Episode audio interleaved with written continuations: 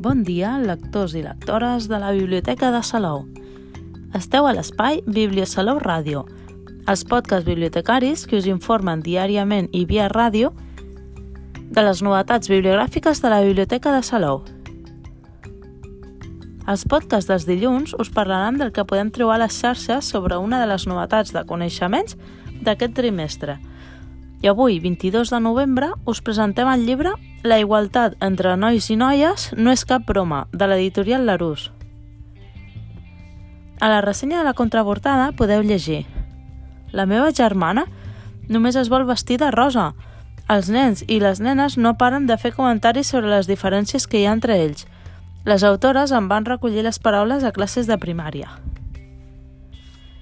Com es pot aconseguir una veritable igualtat de nens i nenes tot respectant la singularitat de cada persona?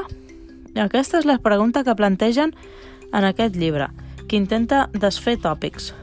Per mitjà d'un gran nombre de retrats, anècdotes i dades històriques, els infants entendran que la igualtat d'homes i dones és una llarga lluita. Amb les il·lustracions de Pascal Lemaitre i Roger Zani, plenes de picardia i subtilesa.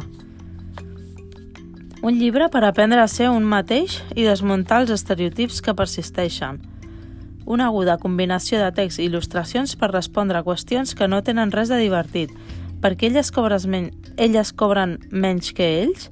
Perquè hi ha països on elles no van a l'escola? El color rosa és només per a les nenes? Amb un format molt atractiu, cada pàgina convida a saber-ne més sobre dones increïbles i mostra exemples d'homes que van a trencar els estereotips per deixar clar que elles i ells són iguals. Què sabem del llibre?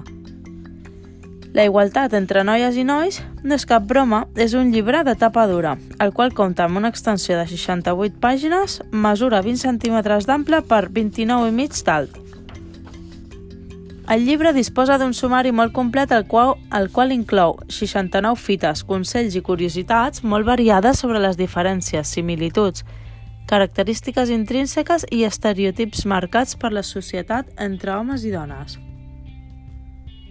Dintre del sumari trobem alguns estereotips com l'ofici de paleta és de noi, a casa és la mare qui fa neteja, els caps de maniquí per pentinar són per a les nenes.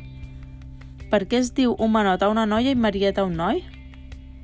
Aquests i molts altres estereotips els podeu trobar en aquest interessant llibre de coneixements que us proposem. Totes aquestes fites venen acompanyades d'il·lustracions realitzades a propòsit de la temàtica de cadascuna – a través d'una gràfica molt colorista i una gran varietat de tipografies afins entre elles. Els autors fan d'aquest llibre un imprescindible per a ments curioses. Què sabem sobre els autors? Pascal Lemaitre és un autor i il·lustrador independent amb seu a Bèlgica. El seu treball editorial ha aparegut a The New Yorker, The New York Times, Le Monde, Liberation, Le One, La Crue, Strapi, James Lire, Pomdapi i Doremi, entre moltes altres publicacions. Les il·lustracions de Pascal per a llibres per a nens i adults es poden trobar als catàlegs de molts editors nord-americans, belgues i francesos, com ara Scholastic i Penguin Books. Ha tingut l'enorme privilegi de treballar amb els autors Tony i Slad Morrison, Stefan Hessel, Edgar Morin, Boris Cyrulnik, Jean-Claude Ameisen Pierre Rabi i Rascal. El 2015, el Museu Tommy Ungerer va com comissariar una exposició titulada Tommy Ungerer convida a Pascal Lemaitre, amb il·lustracions de llibres infantils de Pascal. Entre elles, The Book of Mean People de Tony i Slade Morrison va fer que el legendari il·lustrador, il·lustrador i autor Bill Stage exclamés «Aquests dibuixos són meravellosos i em pots citar?» Respecte a Roger Zani, es va formar a l'escola Jose de Barcelona en l'especialització de còmic, narrativa gràfica i guió.